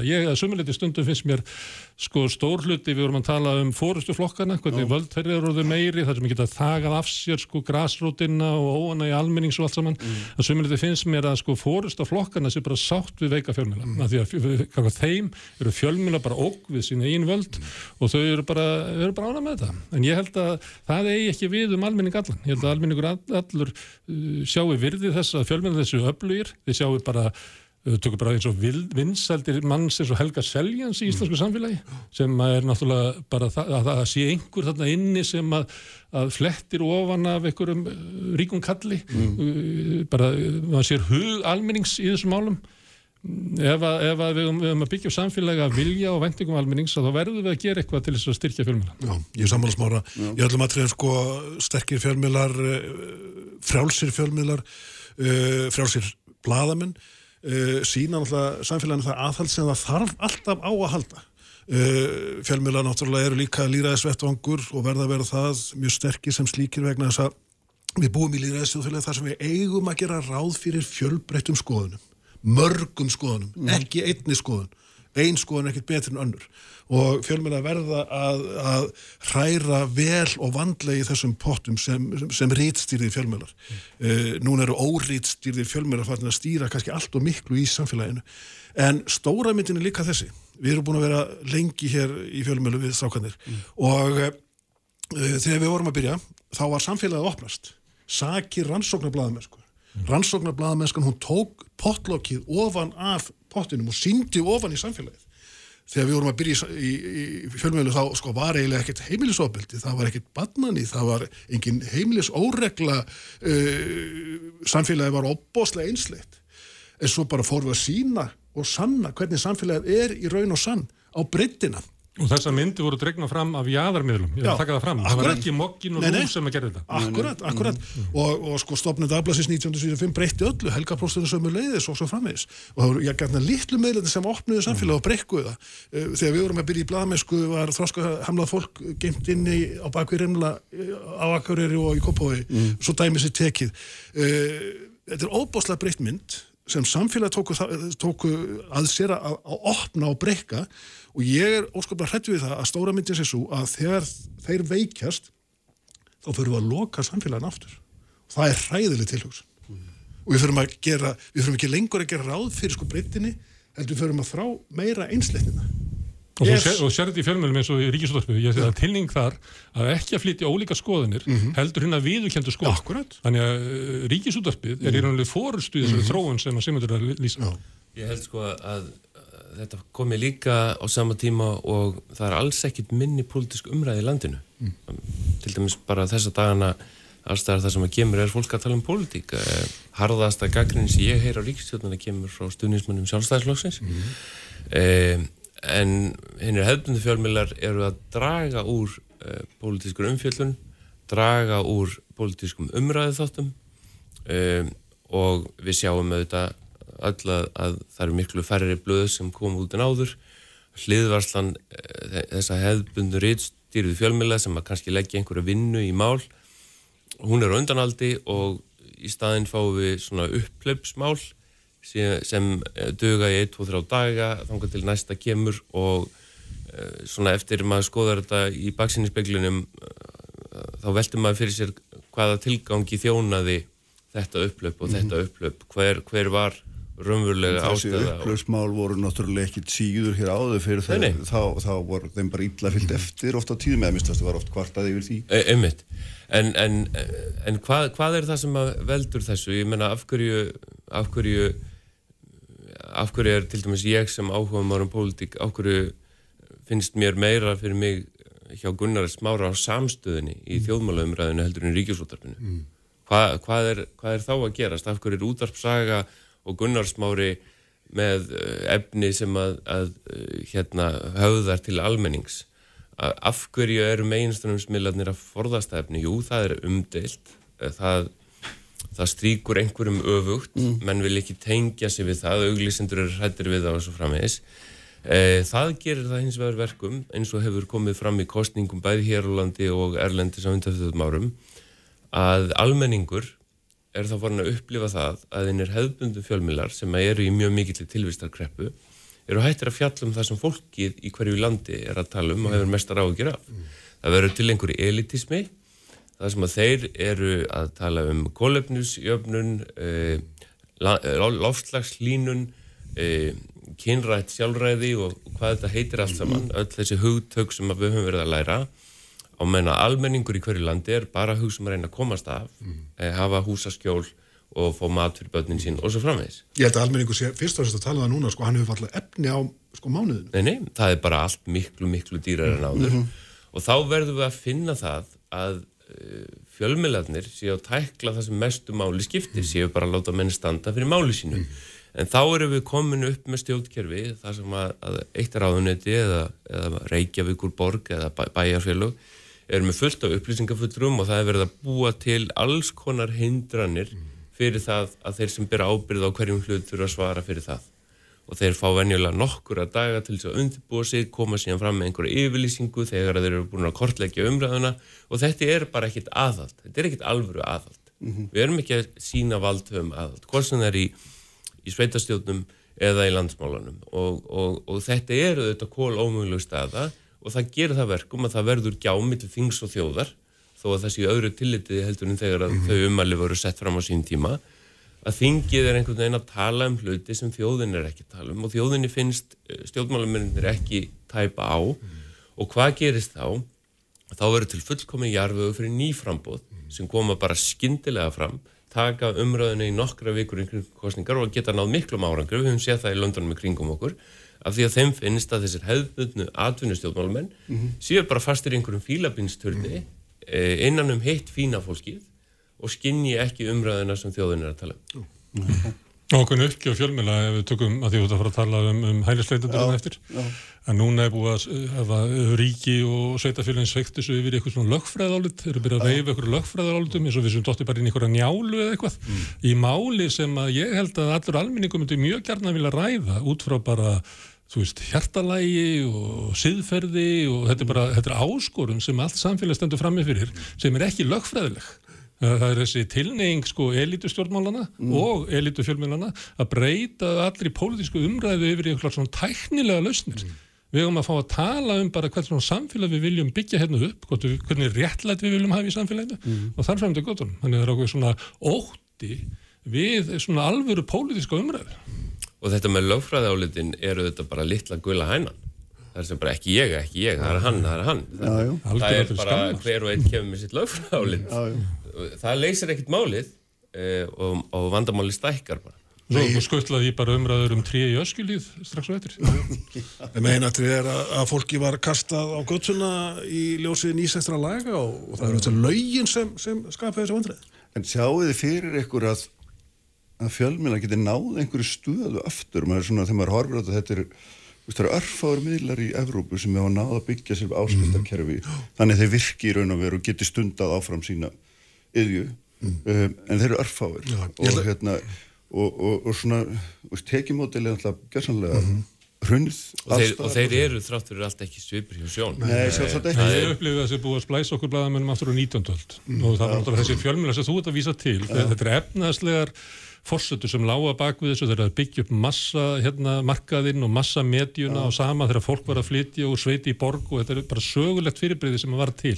Það sem var hægt að reka fjölmjöla sem business, sem enga fyrirtæki með almanna þjónustu sem sko vöruna sem var að senda. Ég held að það kom bara ekki aftur. Ég held að við sem bara búið að henda okkur aftur á 19. öld og við erum bara að rifja upp hvað gerði Jón Ólafsson og hvað gerði Einar Benediktsson og fleiri sem stóðu í Bríðar Bjarniðinsdóttir. Það er blaðamennska líka sko. Orvel stundaði blaðamennsku.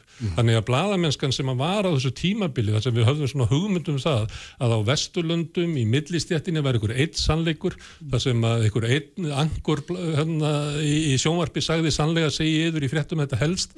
Sá tími hann er farin og við hefum kannski getað sakna hans mikils. Það sem leikur okkur er að endurskapa blaðamennsku sem hendar okkur tíma. Ég held að einlegin að því sé að, að styðja sjálfstæða blaðamenn, frjálsa blaðamenn til þess að vinna sko á dýftina. Uh, og ég er sammála smára því leiti að við björgum ekki blaðamennskunum með því að láta útgáðafélagin fá pening uh, skattfjálsan eða ekki. Við við-. Já, við erum að, við erum að horfa til blaðamanna sjálfra sem, sem eru mennirnir og konundar sem, sem, sem geta unnið þau verk sem við erum að kalla eftir. en þau þurfa nú alltaf eitthvað ramma utanum sína Þau finna það, sko. Þau finna það. Rítvöndar hafa, hafa, hafa sinn ramma, ég meina sjálfstæði blaðamenn getur gert það líka. Nákvæmlega. Herru, ég ætla einmitt að fara að tala um mál-málana. alvöru pólitík Ja, vel. bótt. Bestu þakkir allir þrýr fyrir að koma og hérna fyrir skemmtilega samræður. Þau eru hjá mér hérna eftir augnablik Heiðabjörg Hilmisdóttir og Gum- Guðmundur Ingi Guðbrandsson. Fréttir þjóðmál og pólitík. Sprengisandur á bylgjunni. Uppspretta frétta á Sprengisandi. Á bylgjunni. Sælhustundur, uh, þeir eru farnir frá mér sem drærnir uh, Björn Ingi og Gunnar Smári og við erum komið hér svona á loka spettin, þau eru komið til mín Guðmundur Ingi Guðbrandsson, félagsmálar áþráð og Heiðabjörg Hilmisdóttir sem hér er borgarfulltrúin er hér nú sem formar sambandsíska sveitafélaga. Uh, Særa blessa bæði tvö. Takk fyrir. Góðan daginn. Nú gerðist það auðvitað að afleiðinga nýra útlendingalaga komu í ljós þegar að uh, fólk sem að, fólki sem hafi verið endalega sinjað um alþjóðlega vend uh, fóru göttuna og þetta vakti nú mikla aðdegli og svona auðvist að fólk var ekki, ekki sátt við þetta, þessa niðurstöðu og hérna, já, já, sem um hans hérna, auðvitað þetta væri bara eins og þetta að vera og kerfin virkaði eins og þetta virka og fólk gæti bara komið svo landi sem það er sjálfsagt. Niðurstöðan en einhver, einhver millibils ástand hefur þarna skapast þar sem að fólk fær ekki þjónustu, hefur ekki húsnæði og kemst ekki, kemst hvorki landið strand, getur hvorki komin í farið. Og þið tvö hafið það hérna daldið svona það verkefni að leysa þetta mál saman. Held ég sér ótt að segja því að, að hérna og ég hafa nú verið að ræða hérna í þættin máðan og nú bara kemur stjórnum fram og hver vísaði sínu lagfræðaliti og hérna segði að þetta er ekki ég, þetta er ekki ég, þetta er einhver annar. En ég meina hvernig, hvernig, hérna, hvernig standa þetta? Því voru að tala saman fyrir helgi. Hvað, hvað, hvað verður? Ef að ég má byrja, þá kannski vil ég fyrst segja það að, og ég hef sagt það uh, áður í fjölmjölum að fyrir mér er stóra verkefnið að uh, koma í vekk fyrir það að fólk hafi ekki fæði og, og sko húsaskjól. Þannig að framkvæmdin á lögunum sé með þeim hætti að þetta sé tryggt. Það er stóra verkefnið. Og sá fundur sem að við heldum dómsmálar á þeirra ég og fulltrúa sveitafélagana núna síðasta föstudag, við vorum öll sammála um þetta grundvallar prinsip. Og það er leiðaljósi sem að við vinnum eftir núna. Við erum að tala saman, við erum að leita lausna og við vonumst til þess að geta eh, kynnt eitthvað slíkt núna í næstu viku. Já og hvað, því, meina, því lögfræðalutin ykkar bara fara út Já, á sögur ég, sko. ég hef nú bara sagt það sko að, að hérna e, þó svo að okkur deil, að við, við deilum um það hvar ábyrðin ákvæmlega liggur þá verðum við að horfa á það verkefni að passa að fólk lendi ekki á götunni það hef ég alltaf sagt, ég sagði það í þingun í vor ég segi það ennþá og það er stóra verkefni í mínum huga. Mm -hmm. eh, við erum að leita Þú varst líka fullvist þá um að sveitafélagin ættu að taka við Já, já, ég er ennþá þeirra skoðunar mm. og það er bakkað upp að lögfræða áliti.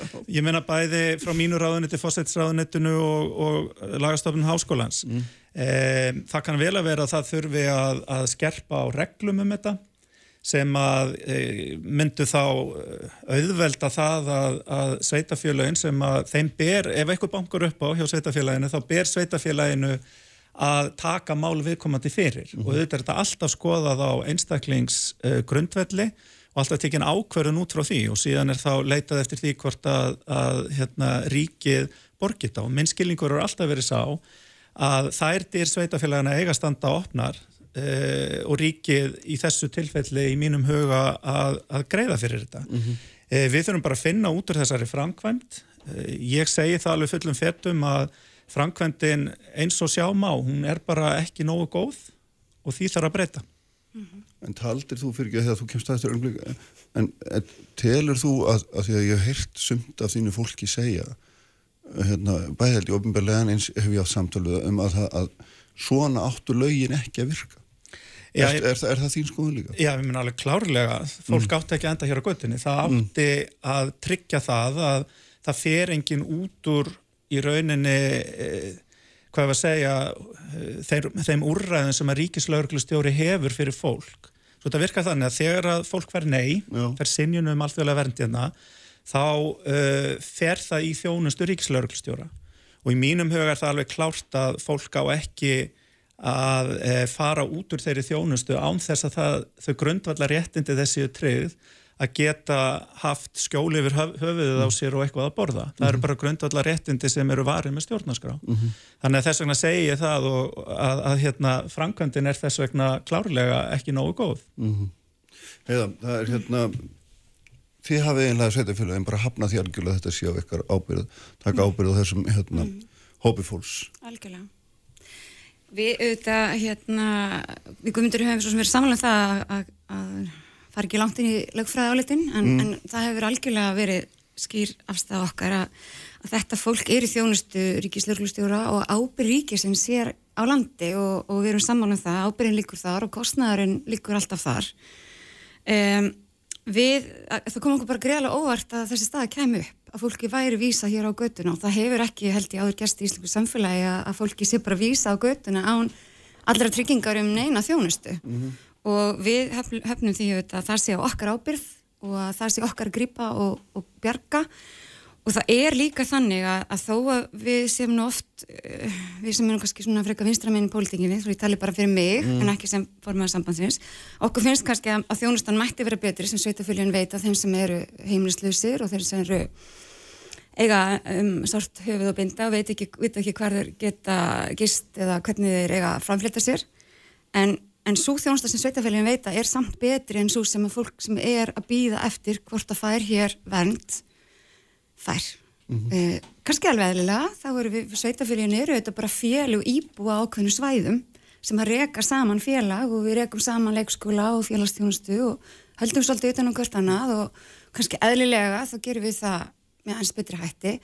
Þannig að mér fannst líka einhvern veginn okkur nýðust að var að það gæti ekki verið sko ætlun ríkisins að senda þetta fólk út úr þessu vendarkerfi og inn í betri þjónustu það fengir í rauninni betri þjónustu við að hafna því að fara úr landi Já.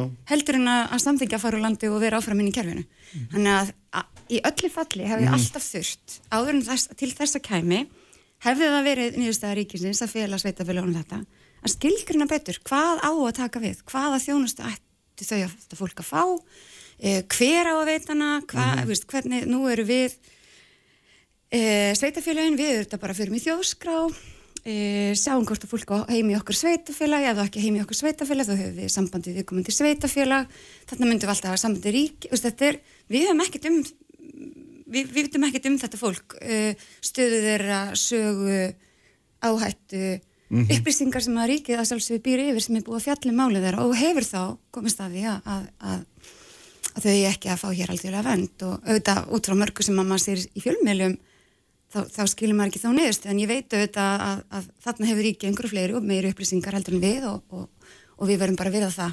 -hmm. þannig að við hefum í rauninni ekkert haft mikla skoðunar því hvað ríkið er að gera þarna hvernig en okkur hefur fyndist að vera alfarið þar. ábyrðin er ekki ykkar Nei, að leysa máli. Alveg þvert á sem að sjálf... Guðmundringi er að nefna hér hérna. Já, ég veit það. Þó það ætti ekki út í lögfræðalutin þá líka það enga síðu fyrir. Já, en svo erum við líka með dómsmálar á þeirra sem segir þetta er á mínu forræði og við erum sammál ykkur. Þannig að þú veist, það er líka, það flækir líka málið. En ég held bara að aðalmálið er að... En málið er, og við erum sammál það, það þarf að leysa stöðu þessar fólks og það sem er erfitt, það er að horfa upp á þessa stöðu og við segjum það líka á sem ágætt að fundir sem áttum að auðvitað við getum að orðið einhverju liði, gefið ráð komið inn í það með einhverjum hætti að aðstofa við þessa löst þannig hún komist á fætur fyrr og, og ræðar þá erum við auðvitað tilbúin til þess en, en við erum alveg skil með það ábrynna því það er ekki okkar. mm -hmm. En mér langar kannski að segja sko, ég held að við þurfum líka alltaf að muna þessar umræðu að við erum með e, verndarkerfið í landinu sem að gengur út á það að manneskja sem að sækir hér um alþjóðlega vernd, hún fær annarkort já eða nei. Ef hún fær nei þá, eða meðan hún er að býða eftir því að fá svar, mm. þá er hún í þjónustu vinnumálastofnunar sem heyrir undir ráðunetti hjá mér um, ef hún fær nei að þá flist hún yfir í þjónustu ríkislauglustjóra vegna þess að það er á ábyrg ríkislauglustjóra þá að, að sjá til þess að framfylgja þeirri ákverðun íslenskara stjórnvalda að, að um, um, brottvísa viðkomandu mm. landi mm -hmm. og ef að fólk sýnir samstagsvilja þá getur það áframverið í þeirri þjónustu sem að, að ríkslauglustjóri býður en ef ekki að þá er þetta daga, nei, 30 dagar reglan sem að, sem að gildir og eftir það er fólk ekki lengur með aðgang að þessari þjónustu. Þannig að mér er bara mikilvægt að við áttum okkur á því að ég held að við viljum alltaf hafa kerfi vegna að við getum ekki tekið á móti öllum sem hinga að koma, við þurfum að taka ákvarðanur um það, en svo er ég bara sammála mjög mörg af því sem að heiða er að segja hérna mm. um það að við þurfum að skýra það hvernig þessi framkvæmd er og það er ástæðan fyrir því að ég sem félagsmálar á þeirra stíg inn í þetta og við sem stjórnmöld, ég og dómsmálar á þeirra og fleiri, núna í bara góðu samtali við sveitafélögin, við ætlum okkur bara að laga þetta. Það er ekkert okkar mm -hmm. sem er á þeim stað að vilja bara hafa þetta svona. Og það held ég að sé kannski líkillin hér mm -hmm. að eh, þegar að maður er að reyna að leysa úr floknum viðfangsefnum og finnur eitthvað samnefnara sem öll eru sammálum, sá samnefnar er, er, er sá í þessu máli við ætlum ekki að hafa þetta svona. Mm -hmm.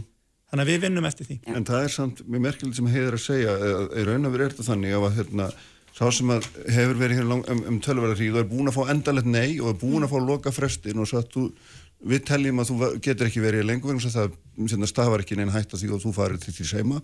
Uh, hérna, ef þess skallast við þá fær hann bara í betri þjónustu. Myna, þetta, er, þetta er hérna Nei, akkurat. Sko, þetta er alveg stór fyrirlega og þetta er verið reyndin svona, svona, það þarf alltaf að taka hvert og eitt tilvik fyrir mm. sig mm -hmm. þegar einhver leitar eftir félagsaðstof sveitafélagana og þess vegna það, þýðir það ekki endilega að sveitafélag myndi ákveða viðkomandi myndi fá betri þjónustu. En það er það sem ég er að segja þar kann að vera við þurfum að að skýra reglurnar um akkurat þennan hóp betur þannig að þessi meiri og betri leiðbenning til sveitafélagana. Mm -hmm. Ég skal alveg algjörlega skrifa upp á það eh, og er auðvitað hluta því sem að, að við erum að skoða til þess að reyna að, að, að leysa máli. Mm. En hvernig geta sveitafélagin komið inn í dag? Það sem vandar er húsnæði. Það lítur að vera nummer eitt mm -hmm. og eitthvað fólk til þess að hérna, sinna því húsnæði. Uh, Já, sko, þetta er tekjulust fólk vantanlega með öllum það er búið að svifta það aldrei, aldrei ofinbæri framfæslu sem það hefur haft að einhverju leiti mm -hmm. þannig að einhvað þarf að hérna, þá að koma til að hálfu einhvers í því tilveki líka. Eitthvað þarf að koma til að halva einhvers það já, er svolítið eins og líka hefur verið. Nefnir að það líkur alveg fyrir. Já, já, það, það verður einhver að rétta fram hendur og segja ég skal gera þetta. Jú, auðvitað, en sko ábyrðin, sko ábyrðin er alveg skýra hópnum. Þetta er ekki íbúðar á Íslandi. Mm. Uh, auðvitað, við tökum á mótu öllum sem til okkar koma og það gerist alltaf öðru kvoru að hérna ílengist fólk, mm. erlendir Eh, heims, sem heimsækja okkur og kannski, já, eru að missa fótana í fríinu og missa fluginu heim og eru peningalösir og leita til sveitafélags og, mm. og mhm. er aðstóðar að komast til síns heima aftur. Þetta gerist alltaf verið hverju og, og hurðin stendur alltaf opinn en það er ekki þannig að við höfum litið á það sem eðlilegt að til okkar sem sendur stór hópur fólks til þess að finna út, sko, þetta er alveg nýtt á íslensku samfélagi að við ætlum einhvern veginn að fara að hafa hér uh, fjölda fólks í landinu sem ekki má vinna og ekki má taka þátt í samfélaginu, ekki má vera með kennetölu og ekki bankabók eða mm Mhm. -hmm. bókastarskirtinni eða, eða ég veit ekki hvað þú þarfst að hafa kennetölu til þess að gera, það er eiginlega allt sko. Mm -hmm. Sveitafélagin og okkar fjárhastastu gengur mjög mikið út af það og það kerfi sem við erum með að virkja fólk og koma því í virkni að tengja það við samfélagið kynna það fyrir því sem er að gerast í kring e, reyna að fá það til þess að vinna og, og hérna ná betri færni. Og þetta er kannski ekki hópur sko, sem að þarna er sem að við erum endilega góð í að sinna. Þetta er fólk sem að þarf að einhvern veginn að það var sættast í það að fá ekki að vera hluti af íslensku samfélagi fá ekki að vera hérna og taka þátt. Mm -hmm. Uh, meg ekki vinna og, og meg ekki sko, þetta er einhvern veginn allt, þetta er allt, allt önnur þjónusta og við hefum ekki verið að veita hana og í rauninni er ekkert sveitafélag að veita fólki í þessari erfiðu stöðu sem ég myndi halda að þyrti mjög sértaka þjónustu því ég efast ekki um að þetta er stórt áfall fyrir fólk að fá kannski búið að vera hér árum saman og ég veit að ríkistjórnin er að reyna að laga það. Árum saman í þeirri vonum að fá hér hæli og vend og síðan fáið það niðurstöð, þau fáið það ekki og, og þau passa í rauninni sko, ef þetta á að vera þannig að hér er fólk að vera áfram ár eftir ár ef það er niðurstöðan og sveitafyririnn er að sinna þeim þannig þá er þetta bara algjörlega nýr hópur og nýr veruleik í Íslands samfélagi. Og við vitum ekki rauninni alveg hvaða þjónust ætti það að vera. Hvernig, hvernig samfélag er það þar sem að eru þá mögulega stórir hópar fólk sem ekki mega taka þátt? Hvað mega er gera?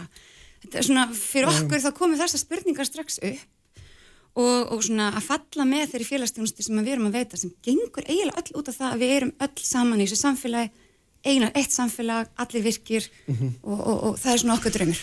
Það má kannski ekki gleymast í þessu, ég má eins koma inn í þetta að hérna, sko, fólk ánáttúrulega ekki að vera hérna ár eftir ár. Og Nei, það er áfram á ábyrg ríkislauruglustjóra að aðstofa fólki við að komast úr landi vegna þess að það er hérna í ólöglegri dvöl eins harneskilegt og það orðalega kannar að hljóma en þannig er nú bara þannig lagabóstafurinn þannig að um, manneskja sem að ekki vill vinna með stjórnvöldum að því að fara uh, úr landi og missir þess vegna þjónustuna hún er samt áfram hún er samt áfram um, í þeirri stöðu að ríkislauglustjóri á að reyna að vinna í máli viðkomandi til þess að viðkomandi fara úr landi.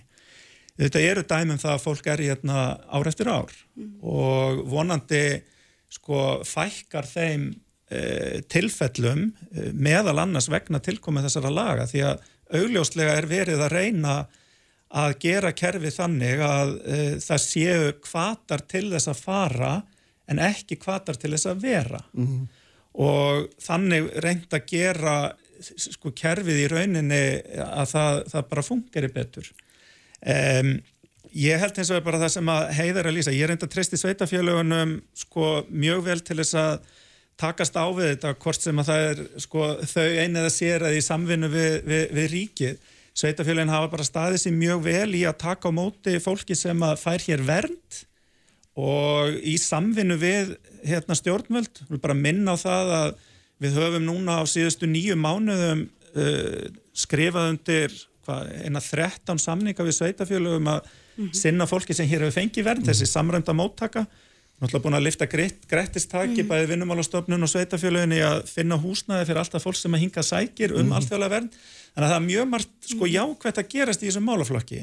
En þetta sem að við höfum verið að fjallum núna á undanförnum einum eða tveimur vikum þetta er ekki e, þetta er ekki gott, þetta er ekki framkvæmt sem við erum sátt við og þetta er framkvæmt sem við ætlum að laga. Já. En þetta er þetta ekki bara spurning um lagabókstaf, Nei. þetta er þetta bara spurning líka um eitthvað sem við getum kallað manneskulega nálgun ekki satt? Og, og það er náttúrulega svona því fyrirgefið hefur bara orðið að þannig en því skrítið að sjá stjórnvöld í landinu tókast á um það hvort hérna hvor armur þeirra er með gildara lögfræðáli til þess að vísa máli frá sér? Ég veit að þeir í hjarta ekkar ekki þannig manneskjur og áttamæla því en þetta svona lítur þetta út utanfrá og Já. meðan situr fólk á götunni og ég veit alveg að þetta er fólk sem á ekki að vera hérna. Við vitum Já, það líka, þannig að þetta er flókin stað en þetta er mjög furðuleg staða. Ég ætla samt bara að segja, sko, ég lít ekki svo á að, að við séum að henda hópnum á mill okkar. Ég lít bara svo á, já, það er uppi ágreiningur um ábyrð, vissulega, en við erum samt í sama liðum það að taka þau skref núna að leysa þetta mál En og þú það sagði náttúrulega sjálfur að sveitafélagin ætti að taka við þessu þau höfnuðu því hvernig það maður tólka þetta öðruvísi Já, ekki- það, það er það sem ég er að segja. Ég hef Já. sagt það út í gegn, já, ég telja að, að Mm. fólk að geta leita til þeirra, bankað upp á og Já. þá er mál hvers og eins tekið fyrir. Ég held að við séum alveg sammála um það.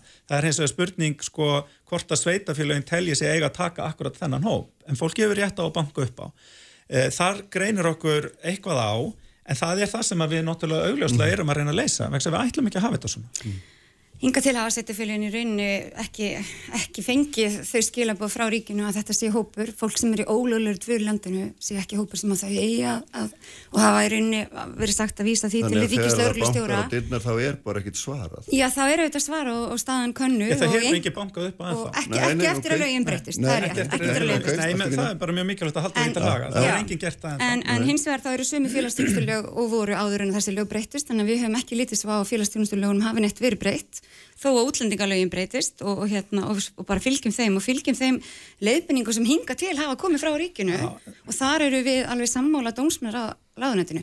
Það er hins vegar ekki það sem er svo áhugavert eða áriðandi í þessari umræðu. Áriðandi í þessari umræðu er að það er fólk hérna sem að ríkisvaldið hefur sett á göttuna án þess í rauninni að hugsa fyrir því hvar á það að fá þjónustu. Og það finnst okkur ámælisvert og bara verðum að fá að segja það og, og líka skrítið að við eigum þá einhvern veginn að stökka til, grípa fólkið og skilgreina sjálf þá þjónustu En sem fólk á ekki sem er ólöglagt í landinu saminast um það að minnstakosti að koma á fót úrræði til bráðabyrða meðan þið ræði málið til þess að bjarga fólki á að- er það ekki lámaskraf? Það er auðvitað það sem við erum að vinna. Ég held Þið eruð að vinna því. það hafi sjálf að komi, sko, við síndum og höfum bara lagt fram það eindregna ósk að Mm. það verði að, að sjá fólki í okkar sveitafélagum sem á hvergi höfðu sinu halla Mhm. og, og En Hvað líður augljóslega að mjög illa. því? Hvað viljið þið koma með að borðinu því? Uh, við teljum ekki að þetta sé okkar að leysa. það er bara þannig. Við, en við er erum hins sama ég- svarið, já. Já, En- en, en- nei, en- veistu það, Já. við erum að leggja okkur öll fram, sveitafélagin, og sko meira en við getum mörg í því að taka móti fólki sem hérna hefur fengið vend. Mm. Og það er alveg þannig og ég veit að þú getur talað við hvað á grunnskóla kennara sem er í Reykjavíkuborg að ég veit að þetta bara, fólk er að leggja sig svo mikið fram og í rauninni er algjörlega magnað hvað íslensku samfélagi hefur tekist vel að taka móti fólki í vanda. Sammála. Og þetta er bara, þetta er einstakt í íslenski sögu og sveitafélagin hafa verið að sko sérhæfis í því að taka móti fólki sem er oft búið að upplifa hörmungar, eh, hjálpa því til þess að fóta sig í nýju landi, koma inn í samfélagið, þarna eru okkar styrkleikar og, og við viðstu vera að gera þetta bísna vel, margt sem við erum að læra, margt sem við erum alltaf að gera betur og betur. Og þannig er samstarf ríkis og fé- sveitafélag bara mjög gott. Algjörlega, mm. algjörlega. Me- Meðal annars í gegnu uh, samrenda, uh, samninga um samrenda móttöku Þarna hefur við flóttafólks. Saman fyrirfram ákveð hvernig þjónustu við viljum vera að veita Mhm. og, og gert þetta nokkuð vel og ég held að það hefur verið betra að við hefum gert það til dæmis líka þá ef að tilgangurinn var sá að sveitafélagin ætti að grípa hópin segir maður alltaf eftir á þú veist Já, það er já. alltaf auðvelt að líti í baksinspil Nei, menn og ég er alveg til í að, að en- hérna, ég, ég get alveg mjög auðveldlega sagt það að, að mér finnst það hefði átt að tala við sveitafélagin fyrr. Ég meina það er bara ekkert lendamál. Mm. Mér finnst framkvæmdin ekki hafa hérna tekist. Við sjáum það öll. Annars væri ekki fólk sem að núna hefði ekki hérna húsaskjól og mat. Mm. En ég vil samt líka draga það fram að það hefur enginn ennþá leita til sveitafélagana. Þess að þetta bankað upp á. Nei, nei, þetta er mál. Þetta er alveg nýtt mál að sjálfsögðu og um, síðan náttúrulega fjöldin sem að hefur verið í, í umræðinu talað um 50 mann sem að hafi mist þessa þjónustu en þetta eru samkvæmt upplýsingum frá Ríkislauruglustjóra sjö mann sem að hafa í rauninni um, farið út úr úrræðunum Mhm. þannig að það er þarna hópur sem að er að vinna með stjórnvöldum og fær þessuna þjónustu áfram en það er líka hópur sem að uh, hverfur. Já, bara fer já, og við í sjálfu sér því miður vitum ekki hvar, hvar sá hópur er, hvort að hann er hér í íslensku samfélagi eða mögulega hvort að einhver koma sér út á landi En þú ert að tala meðal annars um hóp sem hefur náttúrulega engin ferðaskilriki. Nei, Getur af verið nýja farið. sumt af fólkinu, og já. það, það, Það- það, er hópur sem að ég veit ekki, na, berum við ábyrð á honum, viljum við bera ábyrð á honum, hvað viljum við gera fyrir fólk sem að bara getur hvorki verið ný farið? Já, ég meina í mínum huga þá eigum við að veita þeim hópi grundvallar þjónustu, lámars þjónustu sem að kveður á í stjórnarskráni. Mm Hversu lengi? Já, ég myndi segja að við verum að, að gera það eins lengi og fólkið er hérna. en við eigum líka samkvæmt lögum í landinu og það er hlutar ríkislauruglustjóra að vinna að því að aðstofa fólki ef að komast úr landi Já. Það er algjört líkil atrið og auðvitað gengur það oft betur ef að, ef að fólk uh, vinnur með stjórnvöldum um, við erum miklu minna landheldur en mörg ríki kringum okkur. Samt eru við að fá fleiri umsækjandur um alþjóðlega vernd sem að þýðir að álægið á kerfinu hérna er kannski enþá meira heldur en víða annar staðar. Um, þá að þar- þar- þar, þar með erum við skilirðin eru nú bara komið núna nær því sem er á hinnum Norðurlöndunum um, eftir þessar lagabreitingar en við þurfum án efa líka að vinna í, í sko samningum við önnu ríki til þess að taka á móti fólki sem að þaðan kemur. Það er eitt af því sem að ég tel að dómsmálaráðunetið í, í samvinnu við auðaríksráðunetið þurfum meðal hans að gera og dómsmálaráð þeirra er sammála mér í því, sjálfsögðu. Þannig að, að hérna, við ætlum allavega að allir einhuga um það að leysa þetta mál sem allra allra fyrst. Hvað þýðir það er hérna, einu mínúti eftir hvað þýðir sem allra allra fyrst náðu þið saman um þetta morgun eða, eða ætlið að tala Ég- saman í viku eða hvað, hvað svona hvað sjáu þið fyrir ykkur? Ég held að það hljóti að fæðast einhver lausni í þessari viku og mér fannst á, á, á þessum fundi sem við áttum bæði dómsmálaráðara og félsmálaráðara sammála um það að það þyrfti að, mm -hmm. að skilgrænda betur og í staðin fyrir að karpum lögfræða áleitt og annað þá bara finna leið til þess að hjálpa þessu fólki Algjörlega. sem er finnst bara langsamlega, langsamlega mikilvægast og við erum auðvitað Íslands samfélag, við viljum vera gott samfélag og við viljum ekki að hér sé fólk sem að hverki heima og eins og við vöruðum við í okkar áliti þegar lögin voru í smíðum Þannig fólk sem að geti verið útsett fyrir mannsali, vændi og bara hyllilegum aðstæðum og það viljum við ekki, ekki taka þátt í að skapa þannig samfélag. Félagsmálar hvað segir hann? Hjartalega sammálinni heiðum með Já, já, Og þið við, leysið þessari viku já, ég ætla rétt að vona það. Það er menningin. það er menningin bestu þakki bæði tvö fyrir að koma Takk sem leiðis. Sprengisandinu verðum við að láta lokið í dag. Jóta við Haldarsson stýrði útsendingunum sem gerir alltaf allt efni á bilgjan.is og vísi.is og svo í bilgju appinum svo erum við með ykkur hér aftur eftir viku. Verið sæl